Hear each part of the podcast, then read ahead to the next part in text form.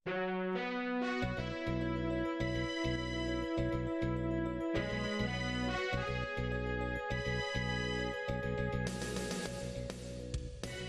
is Radio Free Asia. The following program is in Burmese.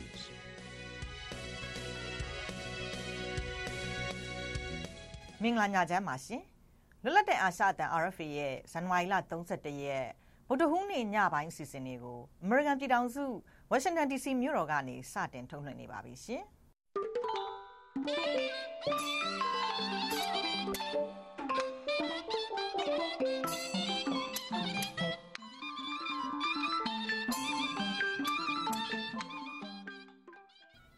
ကျမခတ်မှာပါ။ဒီနေ့ညပိုင်းအစီအစဉ်မှာနောက်ဆုံးရသတင်းတွေနဲ့အတူလုံခြုံရေးအခြေအနေကြောင့်ကုလသမဂ္ဂဝန်ထမ်းတွေရခိုင်ပြည်နယ်ကနေအရေးပေါ်ထွက်ခွာဖို့ပြင်ဆင်နေကြတဲ့အကြောင်းနဲ့ Federal Democracy ပြည်ထောင်စုတည်ဆောက်မယ်လို့ NUG နဲ့တိုင်းရင်းသားအဖွဲ့အစည်းတွေထုတ်ပြန်တဲ့အကြောင်းတွေကိုထုတ်လွှင့်သွားမှာဖြစ်ပါတယ်ရှင်။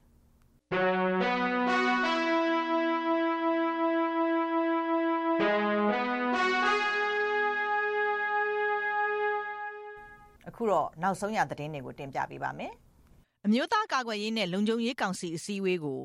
ဇန်နဝါရီလ31ရက်ဒီနေ့နေပြည်တော်မှာပြုလုပ်ပြီးအရေးပေါ်ကာလတက်တန်းကိုနောက်6လတိုးလိုက်ကြောင်း စစ်ကောင်စီထိန်းချုပ်ထားတဲ့မြမအတန်နဲ့ရုပ်မြင်သံကြား MRTV က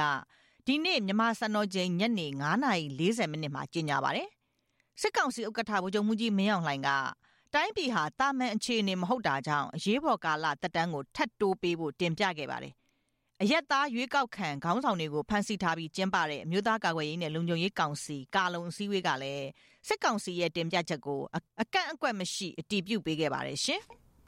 မန္တလေးတိုင်းမြင်းချံမြို့နယ်တရွင်းဖို့ရွာကအမျိုးသမီး၃ဦးကိုစစ်ကောင်စီတပ်နဲ့ပြူစောထီအဖွဲ့တွေဇန်နဝါရီလ28ရက်နေ့ညမှာဖမ်းဆီးခေါ်ဆောင်သွားပြီးတော့အရင်ရက်ကပျောက်နေတဲ့အမျိုးသမီးတဦးအပါအဝင်၄ဦးစလုံးရဲ့ရုပ်အလောင်းတွေကိုဇန်နဝါရီလ29ရက်မနေ့မှာပြန်တွေ့ခဲ့ရတယ်လို့ဒေသခံတွေကပြောပါတယ်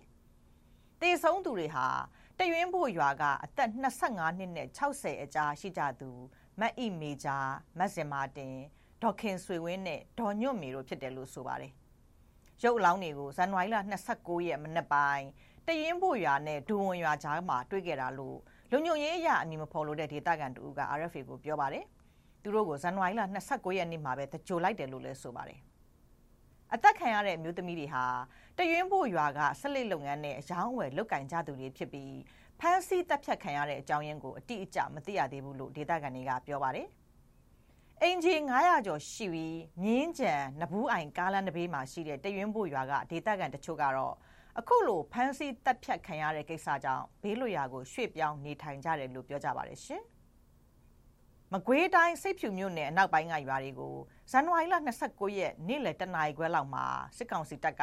တိုက်ခိုက်ရေးရဟတ်ရင်တွေနဲ့ပစ်ခတ်ခဲ့တာကြောင့်တက်ကဲချင်းရွာကအမျိုးသား3ဦးဒဏ်ရာရခဲ့တယ်လို့ဒေသခံတွေကပြောပါတယ်။သုံးစလုံးဒဏ်ရာပြင်းထန်တာကြောင့် ဆေးဝါးကုသမှုခံနေရပြီးဂွေးတိုရွာကကျွဲနွားတရိတ်ဆန်တွေလည်းထိခိုက်သေးဆုံးမှုရှိရလို့ဆိုပါတယ်။မြေပြင်စစ်ကြောင်းကလည်းအင်ဂျီ80ခန့်ရှိတဲ့ကျွန်းတော်ရွာကိုဝင်ရောက်မိရှို့တာကြောင့်နေအိမ်အလုံး20ပတ်ဝန်းကျင်မိလောင်ပျက်စီးခဲ့တယ်လို့ဆိုပါတယ်။ဒီကိစ္စတွေနဲ့ပတ်သက်ပြီးတုံ့ပြန်မှုရဖို့စစ်ကောင်စီရဲ့မကွေးတိုင်းပြောခွင့်ရသူလူမှုရေးရာဝန်ကြီးဦးဝင်းရဲထွန်းကို RFA ကဆက်သွယ်မေးမြန်းတဲ့အခါတိုင်းအဲ့ဒီကိစ္စတွေကိုသူမသိကြောင်းနဲ့ပြည်ထောင်စုအဆင့်ကသာထုတ်ပြန်လေးရှိကြောင်း အကြိမ်ကြိမ်ညင်းဆိုထားပါတယ်ရှင်။နိုင်ငံရေးအကျဉ်းသူဟောင်းမတ်နိုဘယ်အေးဟာဇန်နဝါရီလ29ရက်ညပိုင်းကပဲခူးတိုင်းဝေါ်မြို့နယ်အတွင်းမှာစစ်ကောင်စီတပ်ရဲ့ဖမ်းဆီးခြင်းခံခဲ့ရပြီးတော့ဇန်နဝါရီလ31ရက်ဒီနေ့အထိမိသားစုနဲ့အဆက်အသွယ်မရသေးတာကြောင့်စိုးရိမ်နေရတယ်လို့မတ်နိုဘယ်အေးရဲ့မောင်ဖြစ်သူကိုထက်မြက်က RFA ကိုပြောပါတယ်။မတ်နိုဘယ်အေးဟာကင်ဆာရောဂါခံစားနေရသူဖြစ်တာကြောင့်အခုလိုဖမ်းဆီးခံရချိန် အသက်အန္တရာယ်အထိပါစိုးရိမ်ရတယ်လို့ကိုထက်မြက်ကပြောပါတယ်။စစ်ကောင်စီထောက်ခံတဲ့ Telegram Channel တွေမှာတော့မတ်နိုဘယ်အေးနဲ့နောက်ထပ်မျိုးသားတဦးတို့စီးနင်းလာတဲ့ရင်ကိုလုံခြုံရေးတပ်ဖွဲ့တွေကစစ်ဆေးရမှာလက်နက်တွေနဲ့အတူဖမ်းမိတယ်လို့ရေးသားဖော်ပြထားပါတယ်။မတ်နိုဘယ်အေးဟာ66မျိုးဆက်ကျောင်းသူတဦးဖြစ်ပြီးတော့1996ခုနှစ်မှာတစ်ကြိမ်2009ခုနှစ်မှာတစ်ကြိမ်နိုင်ငံရေးလှုပ်ရှားမှုတွေကြောင့်ဖမ်းဆီးထောင်ချခံခဲ့ရပါတယ်ရှင်။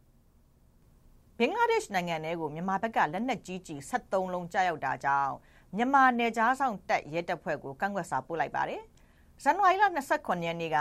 မြန်မာနိုင်ငံနဲ့ထိစပ်နေတဲ့ဘင်္ဂလားဒေ့ရှ်နိုင်ငံ Cox's Bazar ဘက်ကိုမြန်မာဘက်ကလက်နက်ကြီးကြီး73လုံးအပြင်ကြည်တောင်ကြောက်ရောက်ခဲ့တယ်လို့ဘင်္ဂလားဒေ့ရှ်နိုင်ငံပိုင် BSS သတင်းအေဂျင်စီကဇန်နဝါရီလ29ရက်နေ့မှာဖော်ပြပါတယ်။လက်နက်ကြီးကြီးတွေဟာ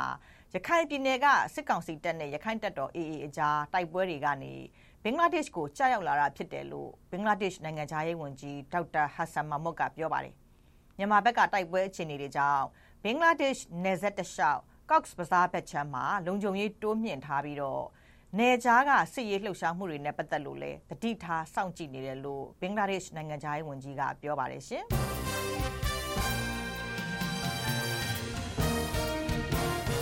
သတင်းတွေကိုနားဆင်ကြရတာပါဆက်လက်ပြီးတော့သတင်းဆောင်မတွေကိုထုတ်လွှင့်ပေးပါမယ်။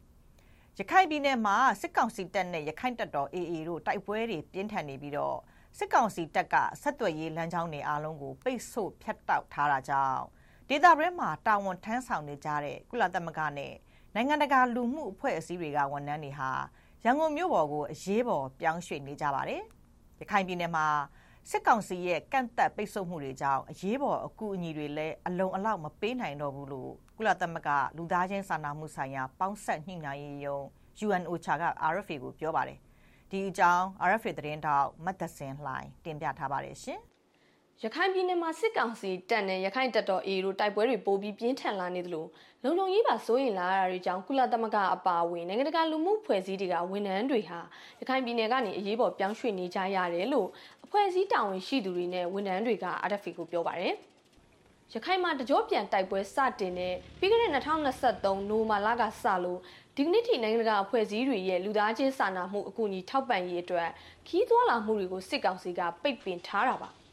လက်ရှိမှာလည်းရခိုင်ပြည်နယ်မြောက်ပိုင်းမှာမိုဘိုင်းဖုန်းနဲ့အင်တာနက်လိုင်းတွေပြတ်တောက်နေပြီးဝန်ထမ်းတွေရဲ့ဘေးကင်းလုံခြုံမှုအတွက်ပါစိုးရိမ်လာရတာတွေကြောင့်အရေးပေါ်ယာယီပြောင်းရွှေ့ထားတာလို့လုံခြုံရေးအရာအမည်ဖော်လို့တဲ့နိုင်ငံတကာဖွဲ့စည်းတစ်ခုရဲ့တာဝန်ရှိသူတို့က RFA ကိုပြောပါတယ်။ ကျွန်တော်တို့ကအလုပ်လုပ်လို့မရတဲ့တချို့အဖွဲ့တွေရှိတယ်ပေါ့နော်တချို့သောစီမံကိန်းတွေရှိတယ်ပေါ့အဲ့ဒီဟာတွေကြတော့ကျွန်တော်တို့အဲ့ဒီမှာဆက်ပြီးနေမဲ့စားလောလောဆယ်သူတို့ရဲ့လုံခြုံရေးပေါ့နော်လုပ်ငန်းလည်းနယ်မြေအခြေအနေရကျွန်တော်တို့ရဲ့လုပ်ငန်းလဲပက်လို့တိတ်ပြီးတော့အခက်အခဲရှိနေကျွန်တော်တို့ကနည်းနည်းလောလောဆယ်အခြေအနေမှာသူတို့ပေါ့နော်လုံခြုံတဲ့နေရာတစ်ခုခုရွှေ့ပြလိုက်တာမျိုးပေါ့နော်ဟိုအဲ့လိုမျိုးတော့လုပ်နေပါတယ်ဗျဟုတ်လောလောဆယ်အခြေအနေမတင်နေမြေအခြေအနေမတည်ငြိမ်တော့ကျွန်တော်တို့ပြန်ဝင်မယ်ပေါ့နော်လောလောဆယ်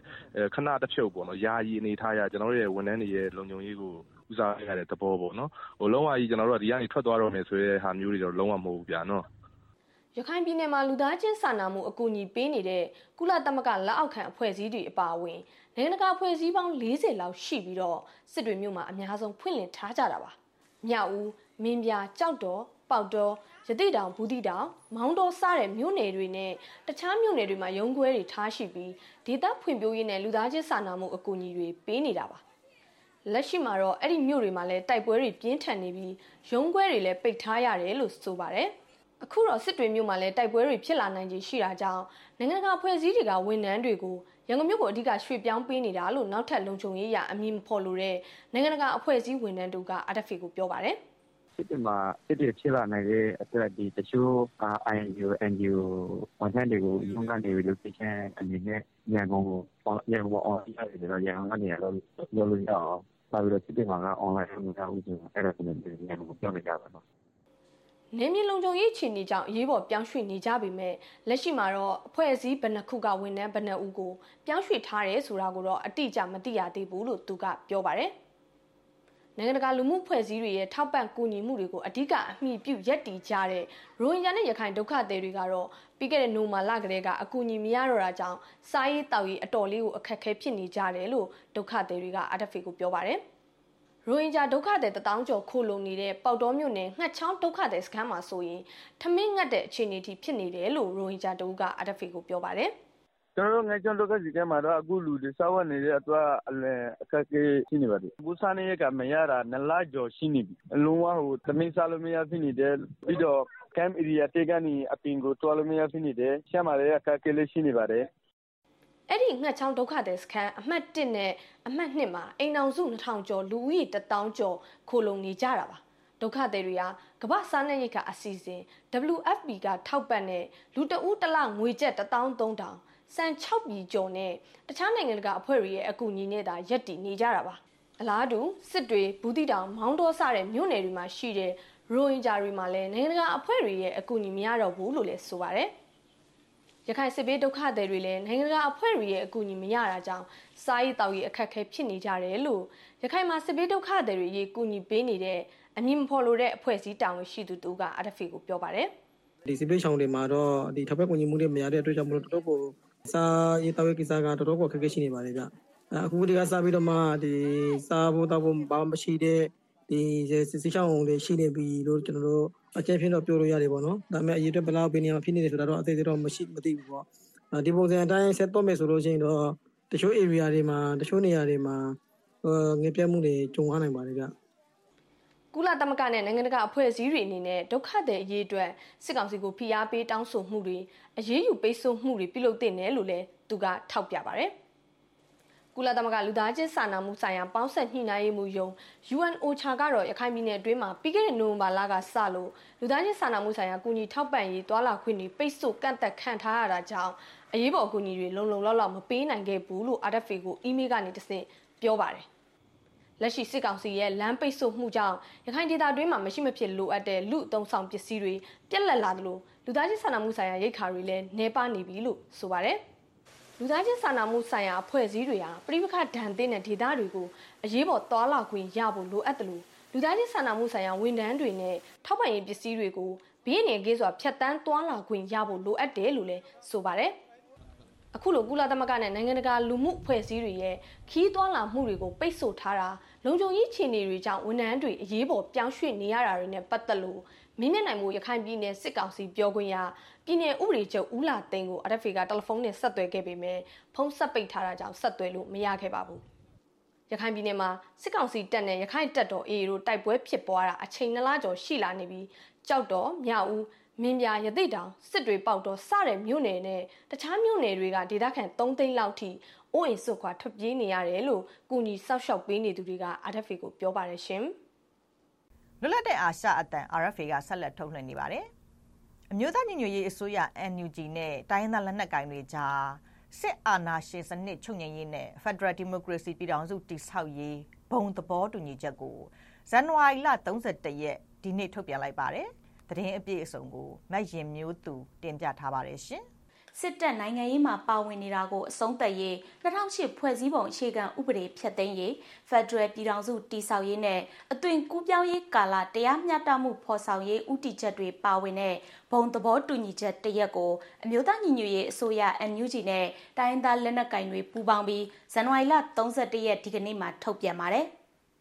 NUG နဲ့ KN မျိုးသားအစည်းအရုံး KNU, KNI အမျိုးသားတိုးတက်ရေးပါတီ KNPP, ရှေးအမျိုးသားတပ်ဦး CNF တို့ပူးတွဲထုတ်ပြန်တဲ့ အဲ့ဒီ ဘုံသဘောတူညီချက်မှာဥတီချက်6ရက်၊ရက်တီချက်6ချက်အစစ်စစ်လုပ်ငန်းစဉ်6ချက်ဆိုပြီးတော့ဖော်ပြထားပါတယ်။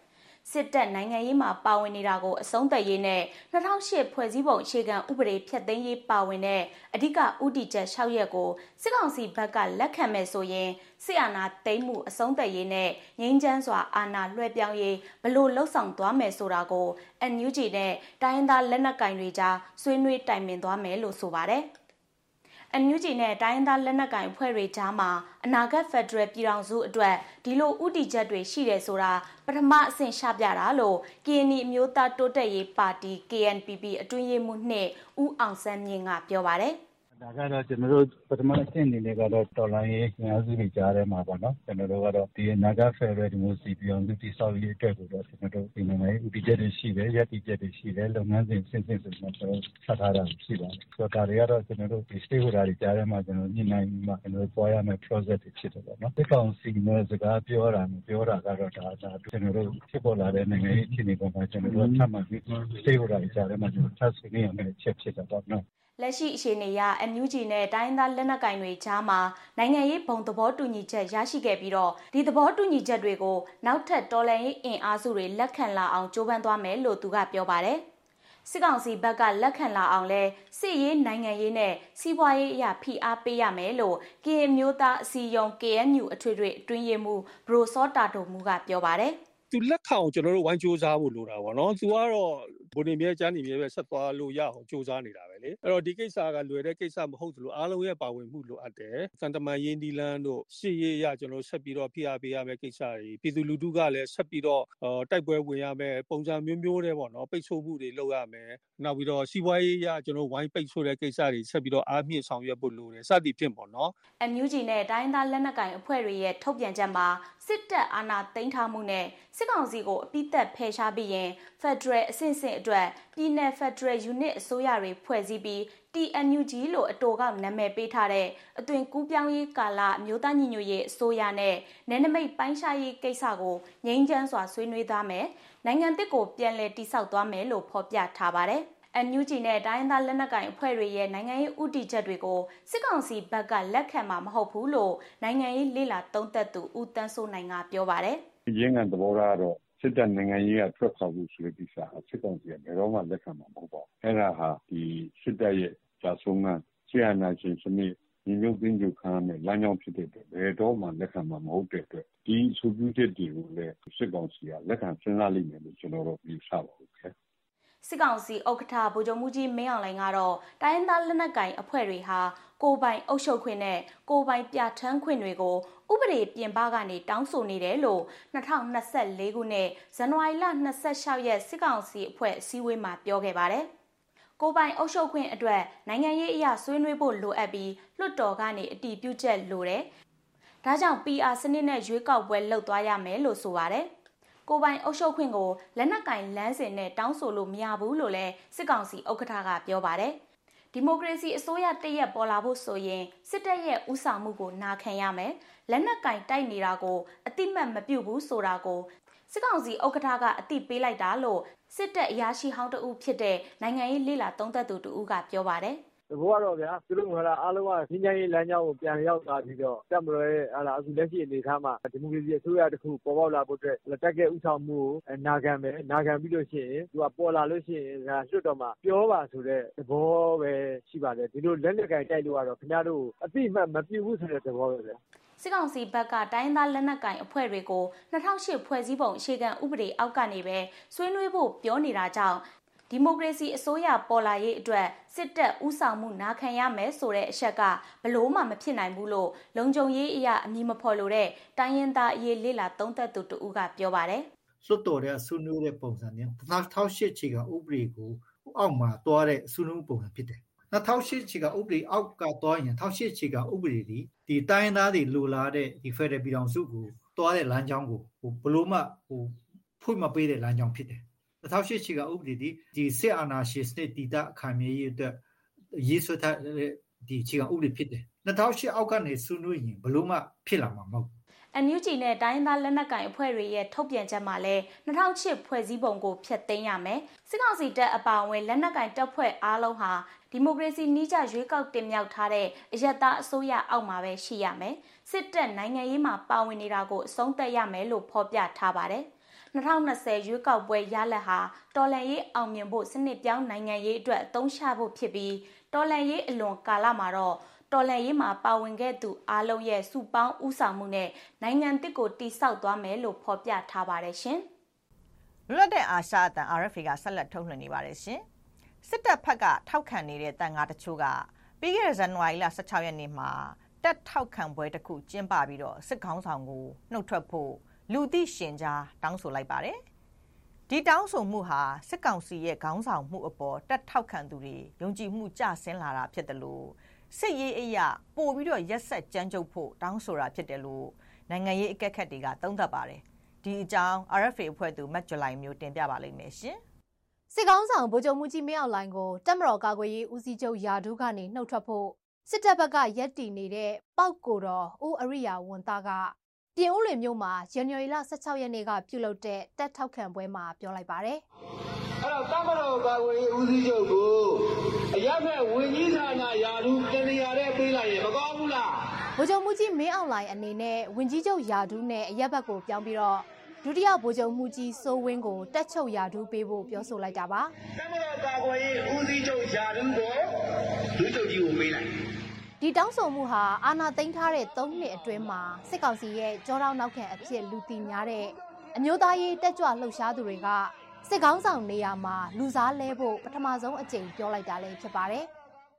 ။ဘာကြောင့်ဒီလိုပြောလိုက်တာလဲဆိုတာကိုသိရဖို့ပေါက်ကိုတော့ဦးအရိယာဝန်သားကိုသူ့ရဲ့ Facebook စာမျက်နှာကနေတဆင့် RFA ကဆက်သွယ်မေးမြန်းခဲ့ပေမဲ့လက်ခံမဖြေဆိုပါဘူး။တက်ချုပ်ရဲ့စစ်ရေးအရာလုံပုံကင်ပုံတွေကိုအားမရတာကြောင့် အခုလိုလူသိရှင်ကြားထုတ်ဖော်တောင်းဆိုလာတာဖြစ်နိုင်တယ်လို့လုံခြုံရေးကြောင့်အမည်မဖော်လို့တဲ့စစ်တပ်အရာရှိဟောင်းတယောက်က RFA ကိုပြောပါတယ်။ကိုအတွင်းနဲ့ရောက်နေတဲ့ဌာနချုပ်တောင်ဘုံမကျေပဲနဲ့သူကအဲ့လိုပေါ့နော်။ NCA ဆိုတဲ့ညှော်လင်းချက်ကြီးနဲ့သူလုပ်နေတာတို့ဒီတဘောလုံးကျလုံးထက်တာတွေပေါ့နော်နောက်နောက်တစ်ခုကတော့ဒီကိုယ့်ရဲ့အမျိုးသားရေးသူအင်အားစုတွေကိုလက်နဲ့တက်ဆင်တင်တာတွေလက်နဲ့မတက်ဆင်တဲ့အခုအသေးခန်းနေတာတွေပေါ့နော်ဒါတွေကို အားမရတာဖြစ်လာတယ်ပေါ့နော်။ကိုင်ကြတာပြောညံ့တယ်လို့ယူဆနေကြတယ်ပေါ့နော်။အဲဒါကြောင့်ပါတော့လုံးတင်လုံးထက်တာသူကမလုပ်ဘူးညားနေတယ်ဆိုပြီးတော့အဲဒါကြောင့်ပါဟိုသူ့ကိုလုံးဝလုံးလုံးကြီးဟိုဖယ်ပေးဖို့ဆိုတဲ့သဘောမျိုးတော့မဟုတ်ပါဘူး။အဲ့တော့နှစ်အဲ့တော့နှစ်ခုစားတစ်ခုကင်ဆိုတဲ့သဘောပေါ့နော်ပောက်ကိုတော်ကအခုလိုပြောလိုက်ပြီးတဲ့နောက်မှာစကားကိုထိမ့်ထိမ့်သိမ့်သိမ့်ပြောဆိုဖို့သူ့ကိုစစ်ကောင်စီဘက်ကခေါ်ယူတတိပေးတယ်လို့သူကဖြည့်ဆွက်ပြောဆိုပါတယ်။တတိပေးခံရတယ်ဆိုတာနဲ့ပတ်သက်လို့တော့ RFA အနေနဲ့သီးခြားအတိမပြုနိုင်သေးပါဘူး။ အကြမ်းမဖက်အာဏာဖီဆန်ရေးလှုပ်ရှားမှုမှာပါဝင်နေတဲ့ CDM ဗိုလ်ကြီးညီတုတာကတော့ဗိုလ်ချုပ်မှုကြီးမင်းအောင်လှိုင်အပေါ်စစ်တပ်ထောက်ခံသူတွေယုံကြည်မှုကျဆင်းနေပြီလို့သုံးသပ်ပါတယ်။အဓိကတော့ဒီဒီ main online ပေါ်မှာယုံကြည်မှုပေါ့နော်ဒါဟိုအားနေလာတယ်နောက်ဆုံးမရှိတော့တဲ့ ठी ပေါ့ဟိုဒါပေမဲ့သူတို့ပြောနေတဲ့ထဲမှာတော့သူတို့ကဒီ main online ဒီတက်ချုပ်ယာတူကနေဖယ်ပြီးတော့မှတခြား ဟာလာဝင်ကြီးလိုဟာမျိုးလောက်ပါဆိုတာမျိုးကြီးတော့ပါနေသေးတယ်ပေါ့နော်ဒါကတော့သူတို့အကန့်အသတ်နဲ့ပြောတာလည်းဖြစ်ကောင်းဖြစ်ပါလိမ့်မယ်တေချာတစ်ခုကတော့ main online ရဲ့ဒီစီရေးဥဆောင်မှုလုံးဝယုံကြည်မှုမရှိဘူးဆိုတာကိုတော့တက်တွင်းမှာရောဒီအပြင်ကထောက်ခံသူတွေမှာရောနောက်တစ်ခါတတိထားမိမယ်ဆိုလို့ရှိရင်ဒီစစ်တပ်ပေါ့နော်စစ်တပ်ရဲ့အရာရှိဟောင်းတွေရဲ့ဒီမှတ်ချက်တွေဒီမှာလဲကျွန်တော်တို့တင်နိုင်ပါတယ်ဗျအမျိုးသားညီညွတ်ရေးအစိုးရ NUG သမရာရုံးရဲ့ပြောရေးဆိုခွင့်ရှိသူဦးကျော်စောကတော့ စစ်တပ်အနေနဲ့ဘေးကျက်နံကျက်ဖြစ်နေပြီလို့သုံးသပ်ပါတယ်စစ်ကောင်စီကဘေးကျက်နံကျက်တွေအကုန်ရောက်နေတယ်စစ်တပ်ကသူတို့ရဲ့လက်နက်ကင်တက်ကလည်းပြိုခွဲနေပြီသူတို့ရဲ့လက်အောက်ခံပြည်သူစစ်ဆိုတာ border guard ဆိုတဲ့ဟာတွေလည်းအော်သူတို့နဲ့မပူပေါင်းတော့ဘူးဆိုတာတွေလည်းထွက်လာနေတယ်စစ်တပ်တဲ့ပြိုကွဲနေတယ်သူတို့ရဲ့လက်ကင်တို့တွေလည်းသူတို့နဲ့လမ်းခွဲလာကြပြီမြောက်ပိုင်းမဟာမိတ်သုံးဘွဲကစတင်လိုက်တဲ့တစ်တုံညာနှစ်ခွန်စစ်စင်ရေးနောက်ပိုင်းမှာ ကြံတဲ့တိုင်းရင်းသားတော်လှန်ရေးအဖွဲ့တွေနဲ့ပြည်သူ့ကာကွယ်ရေးတပ်ဖွဲ့တွေရဲ့ထိုးစစ်ဆင်တိုက်ခိုက်မှုတွေကြောင့်ဗိုလ်မှူးချုပ်တွေအပါအဝင်တခြားအဆင့်တွေလက်နက်ချတာအဖမ်းခံရတာထွက်ပြေးတာတိုက်လေရင်တွေပြစ်ချခံရတာမြို့30ကျော်ဆုံးရှုံးတာစစ်စခန်းရာနဲ့ချီလက်လွတ်ဆုံးရှုံးရတာတွေဖြစ်နေပါတယ်။ဒါကြောင့်အခုလိုဖြစ်စဉ်တွေအပေါ်စစ်တပ်ကြောထောက်နောက်ခံတွေဖြစ်တဲ့အမျိုးသားရေးလှုပ်ရှားသူတွေကမခံမရနိုင်ဖြစ်ပြီးအတိုက်အခံတွေအပေါ်ပြက်ပြက်သားသားကင်တွယ်ဖို့အတွက် ပိုဆိုးတဲ့အခြေအနေတရက်ကိုတွန်းပို့နေတာလို့နိုင်ငံရေးအကဲခတ်တွေကသုံးသပ်နေကြပါတယ်။စစ်တပ်မှာခေါင်းဆောင်မှုပြဿနာဖြစ်လာတယ်လို့ဆွေဒင်နိုင်ငံအခြေစိုက်ဥပဒေပညာရှင်ဦးအောင်ထူးကထောက်ပြပါတယ်။မြန်မာနိုင်ငံမှာပေါ်ခဲ့တဲ့ဆရာနာရှင်အဆက်ဆက်တဲမှာဆိုအမိန်မဲဆုံးပုံကိုလို့ပြောရမှာ။ဟုတ်လိုက်အနေနဲ့သူ့ကိုနေရာလဲဖို့ကြိုးစားတဲ့နောက်မှာဘူဂျိုမူကြီးဟောင်းတန်းရွှေကိုယ်တိုင်ပါရှိနေတော့တန်းရွှေကပြည့်ရှင်းလိမ့်မယ်လို့ယူဆတယ်။ အဲတော့ခြုံပြောရင်ဘာဖြစ်လာလဲဆိုတော့တက်ထဲမှာခေါင်းဆောင်ပြဿနာဖြစ်လာတယ်။တမတော်အတွင်းမှာအုပ်စုဖွဲ့မှုတွေဖြစ်လာနေတာလည်းတွေ့ရတယ်။အဲတော့နေရာလူမှုတွေပေါ်လာနိုင်တယ်နိုင်ငံရေးလေ့လာသူဦးတန်းစိုးနိုင်ကအခုလိုသုံးသပ်ပါတယ်စစ်တပ်ကကြာဆုံးတာတွေလက်နဲ့ချလာပြီကတမိုင်းမှာမကြုံဘူးတော့အောင်များပြခဲ့ပါတယ်အဲလိုဖြစ်လာတဲ့အခါမှာဘူဂျုံမူကြီးမဲအောင်နိုင်ကိုကာကွယ်ရေးဦးစီးချုပ်အနေနဲ့ ဒီမှာသူရက်တီထောက်ခံလာကြတဲ့လူတွေကိုယ်တိုင်လက်ဆောက်စိုးဝင်းနဲ့အစားထိုးပြီးတော့ပုံမူကြမ်းကြုတ်တဲ့စစ်တပ်ကိုစစ်ပွဲတပ်ကိုဒီဆင်နွှဲစီခြင်းနဲ့ဆိုရက်မဘာသာတွေရဲ့ဗိုလ်ချုပ်မူကြီးမင်းအောင်လှိုင်ကိုထောက်ခံပြီးတဲ့ထောက်ခံခဲ့တဲ့လူတွေရဲ့အမြင်ကိုလည်းကျွန်တော်တို့ကလက်မခံနိုင်ဘူးဗိုလ်ချုပ်မူကြီးမင်းအောင်လှိုင်ဦးဆောင်ပြီးအာဏာသိမ်းထားတဲ့၃နှစ်နီးပါးကာလမှာအိမ်တွေမီးရှို့ခံရတာ၈000နီးပါးရှိပြီလို့ Data for Myanmar အဖွဲ့ကဒီဇင်ဘာလကုန်မှာထုတ်ပြန်ထားပါတယ်။အဖမ်းခံရတဲ့သူပေါင်းက2000ခွဲကျော်ရှိနေပြီးလူ4000ကျော်သေဆုံးရတယ်လို့လည်းနိုင်ငံရေးအကျဉ်းသားများကူညီစောင့်ရှောက်ရေးအဖွဲ့ကထုတ်ပြန်ထားပါတယ်။အိုးအိမ်ဆွန့်ခွာထွက်ပြေးရသူစုစုပေါင်းကတော့2တန်း6သိန်းကျော်ပြီလို့ကုလသမဂ္ဂ UNOCHA ကထုတ်ပြန်ထားပါတယ်ရှင်။အခုဆက်လက်ပြီးတော့ဆက်သွယ်မြင်းမြန်းချက်တစ်ခုကိုထုတ်လွှင့်ပါမယ်။စစ်တပ်ကအာဏာသိမ်းတာ3နှစ်ပြည့်တဲ့နေ့ဖြစ်တဲ့လာမယ့်ဖေဖော်ဝါရီလ1ရက်နေ့မှာ နိုင်ငံတော်ဝန်အတန်တိတ်တပိတ်ပြုလုပ်ဖို့ပြင်ဆင်နေကြတာတွေနဲ့ပတ်သက်လို့တပိတ်ခေါင်းဆောင်ဒေါက်တာတေဇာဆန်းကိုမတ်ထထအိန္ဒြာကဆက်သွယ်မြင်းမြန်းထားတာကြည့်ရှုနားဆင်နိုင်ပါပြီရှင်။အခုဒါပြည်သူ့ຫນွေဦးတော်လှန်ရေး၃နှစ်ပြည့်လူလူတိုက်ပွဲခေါ်တန်းဆိုပြီးတော့စာလီထုတ်ပြန်ထားတာတွေ့ရပါတယ်ဆိုတော့ဆရာတို့ရည်ရွယ်ချက်ကလေးကိုသိချင်ပါတယ်ဆရာဟုတ်မနေ့ပြန်ပေါ့ဗျာဒါဖေဖော်ဝါရီ၁ရက်နေ့ဆိုကျွန်တော်တို့ဒါပြည်သူ့ຫນွေဦးတော်လှန်ရေးကြီးအချိန်၃နှစ်ပြည့်ပြီပေါ့ဒီ၃နှစ်တာခရီးချမ်းတော်လှန်ခရီးချမ်းကိုကျွန်တော်တို့ဒါ ပြန်ကြည့်မယ်ဆိုရင်ပြည်သူလူထုပါဝင်မှုပြည်သူလူထုရဲ့ဒီတော်လှန်စိတ်တော်လှန်သွေးတော်လန်တာဝန်တွေကိုအစွမ်းကုန်ထမ်းရွက်မှုဒီဒီတော်လန်ရဲ့အခရာတော့ချက်လို့ပြောနိုင်ပါတယ်ခင်ဗျအဲ့တော့အခု၃နှစ်ပြည့်တဲ့အချိန်မှာလည်းပဲကျွန်တော်တို့ပြည်သူတွေအနေနဲ့ဒီတော်လန်တိုက်ပွဲတော်လန်နော်တာဝန်တွေကိုအစွမ်းကုန်ဆက်လက်ပြီးတော့ထမ်းရွက်ကြဖို့ပဲဖြစ်တယ်ပေါ့ခင်ဗျခုလှုပ်ရှားမှုကြီးတစ်ခုကိုကျွန်တော်တို့ဒါတိုက်တွန်းနှိုးဆော်ထားတာဖြစ်ပါတယ်ခင်ဗျ ဟုတ်ကဲ့အဲ့ဒီနေ့မှာဆိုလို့ရှိရင်ဒါ silent strike အတန်တိတ် debate ပြီးရင် white campaign အဖြူအောင်လှုပ်ရှားမှုတွေလည်းလုပ်သွားဖို့ရှိရဲဆိုပြီးတော့ကြေညာထားတာတွေ့ရပါတယ်ဆရာဆိုတော့အာဒီအစီအစဉ်တွေကိုဘယ်လိုပုံစံမျိုးတွေနဲ့ဖော်ဆောင်သွားမှာလဲဆရာဒီမှာအထူးအရေးကြီးတာတခုကိုကျွန်တော်တို့အနေနဲ့တင်ပြကြပါတယ်ခင်ဗျာဒါဘာလဲဆိုတော့ကျွန်တော်တို့ဒီတော်လန်ရေးကြီးကိုဆင်နွှဲကြတဲ့အခါမှာကျွန်တော်တို့ကတစ်ဖက်ကစစ်ရေးတိုက်ပွဲပေါ့ဗျာလက်နက်ကင်တိုက်ပွဲနဲ့အတူကျွန်တော်တို့လူထုတိုက်ပွဲလူထုလှုပ်ရှားမှုတွေကိုဟန်ချက်ညီကျွန်တော်တို့ဒါ မဟာဗျူဟာမြောက်နော်ဒါဖော်ဆောင်နေကြတာဖြစ်ပါတယ်အဲ့တော့အခုသုံးနှစ်ပြည့်လူထုတိုက်ပွဲအနေနဲ့ကျွန်တော်တို့ဒါနံပါတ်1တစ်ခုကတော့အားလုံးလည်းသိကြပြီးသားပါကျွန်တော်တို့ဟလာပြည်သူအများစုဟလာနော်အပါဝင်နိုင်ဆုံးသောတိုက်ပွဲနီးနာကြီးတစ်ခုဖြစ်တဲ့အပြင်မထွက်အတန်တိတ်တပိတ်လှုပ်ရှားမှုကြီးကိုကျွန်တော်တို့ဖော်ဆောင်ကြဖို့ဖြစ်ပါတယ်ခင်ဗျဒါကြောင့်လာမယ့်ဖေဖော်ဝါရီ၁ရက်နေ့မှာမနက်10:00နာရီကနေညနေကျွန်တော်တို့၄နာရီအချိန်ထိကျွန်တော်တို့ကြားထဲမှာအပြင်မထွက်အတန်တိတ်တပိတ်ကြီးကိုဖော်ဆောင်ကြဖို့ဖြစ်ပါတယ်ဒုတိယတစ်ခု ဒါလည်းအင်မတန်အရေးကြီးပါတယ်ခင်ဗျာဒါကတော့ဗာလဲဆိုတော့အဖြူအောင်လှုပ်ရှားမှု white campaign ပေါ့ကျွန်တော်တို့အဓိကတောင်းဆိုတဲ့သတင်းစကားပါတဲ့ချက်၃ချက်ရှိပါတယ်ခင်ဗျာဒေါ်လာရေးကြီးတွေလည်းအင်မတန်ရေးကြီးပါတယ်နံပါတ်1ကတော့ကျွန်တော်တို့ဟာလာအခုပြစစ်ကောင်စီကမိပြင်မှာအရှုံးကြီးရှုံးတဲ့ခါမှာသူ့ရဲ့အာသာချက်ဖြစ်တဲ့လေချောင်းကနေပြီးတော့ကျွန်တော်တို့အရက်သားပြည်သူတွေကိုဟာလာဖိနှိပ်နေတယ်တပ်ဖြတ်နေတယ်ပုံကျင်းနေတယ်ပေါ့ဗျာဒီအတွက်ကြောင့်နိုင်ငံတကာနိုင်ငံတွေအနေနဲ့ နော်ကုမ္ပဏီတွေအဖွဲ့အစည်းတွေအနေနဲ့ဒီအကြမ်းဖက်စစ်တပ်ကိုလေရင်လောင်စာသီးရောင်းချပေးနေတာတွေအမြဲဆုံးရက်တန်းကရက်ကြဖို့ကျွန်တော်တို့ပြည်ရင်းပြည်ပပြည်သူအားလုံးကဒီအဖြူအောင်လှုပ်ရှားမှုကြီးနဲ့ဒါတညီတညွတ်တဲ့တောင်းဆိုမှာဒုတိယရင်းစကားကတော့ပါလေဒါလေးအင်မတန်ရေးကြည့်ပါတယ်ခုချိန်မှာစေအုပ်စုကနိုင်ငံခြားငွေဒေါ်လာငွေအသေးအတန်လိုအပ်နေတယ်ပေါ့ဗျာဒါအားလုံးလည်းသိကြပါဘန်နာရေးစစ်မျက်နှာတိုက်ပွဲပေါ့ဒီခါမှာစေအုပ်စုကနိုင်ငံတကာရောက်နေတဲ့ကျွန်တော်တို့မြန်မာနိုင်ငံသားတွေစီအတင်း ဟလာလက်ဘင်းညှစ်ပြီးတော့အတ္တမနော်သွေးဆုံးအခွန်တွေကောက်ဖို့ကြိုးစားနေတာကျွန်တော်တို့တွေ့ရမှာဖြစ်ပါတယ်ဒါကြောင့်ကျွန်တော်တို့ဒီသွေးဆုံးအခွန်အခါတွေလုံးဝမပေးဆောင်ကြဘူးလေကျွန်တော်တို့ဒါကိုပြည်သူအချင်းချင်းကြားထဲမှာပြည်သူမှပြည်သူတို့တိုက်တွန်းနှိုးဆော်ကြတာဖြစ်တယ်ပေါ့ဗျာနော်ဒါနောက်ဆုံးတတိယအချက်အနေနဲ့ကျွန်တော်တို့ဒီအဖြူအောင်လှူရှားမှုကြီးကနေရည်ရွယ်တာဒါအင်မတန်ရေးကြီးပါတယ်အခုဒါစစ်အုပ်စုရဲ့ထိုးကြွေခံနေရသတိခံဘဝရောက်နေဖြစ်တဲ့မြေပြင်ကဒီတက်မှုတက်သားတွေရှိပါတယ်စစ်တပ်ဘောဇာကန်ပေါ့ဗျာ ဒီတမှုတက်သားတွေအနေနဲ့လည်းအမြန်ဆုံးသာပြည်သူရင်ဝင်ကိုလုံကြပါအမြန်ဆုံးသာအလံဖြူထောင်ကြဖို့အမြန်ဆုံးကျွန်တော်တို့ဟဲ့လားပြည်သူနဲ့ပူးပေါင်းကြဖို့ဒီအဖြူအောင်လှုပ်ရှားမှု white campaign ကြီးနဲ့ကျွန်တော်တို့တောင်းဆိုလိုက်တာလေဖြစ်တယ်သတင်းစကားပါလိုက်တာလည်းဖြစ်တယ်အသိပေးလိုက်တာလည်းဖြစ်တယ်ပေါ့ဗျာဒါကြောင့်ဒီရည်ရွယ်ချက်၃ခုနဲ့ဆောင်ရွက်မဲ့ဒီအဖြူအောင်လှုပ်ရှားမှုကြီးကိုတော့ကျွန်တော်တို့ကဒါဖေဖော်ဝါရီ၁ရက်နေ့ဒေါ်လာရင်း၃နှစ်ပြည့်တနေ့တရက်ထဲတာမဟုတ်ဘဲနဲ့အပတ်စဉ်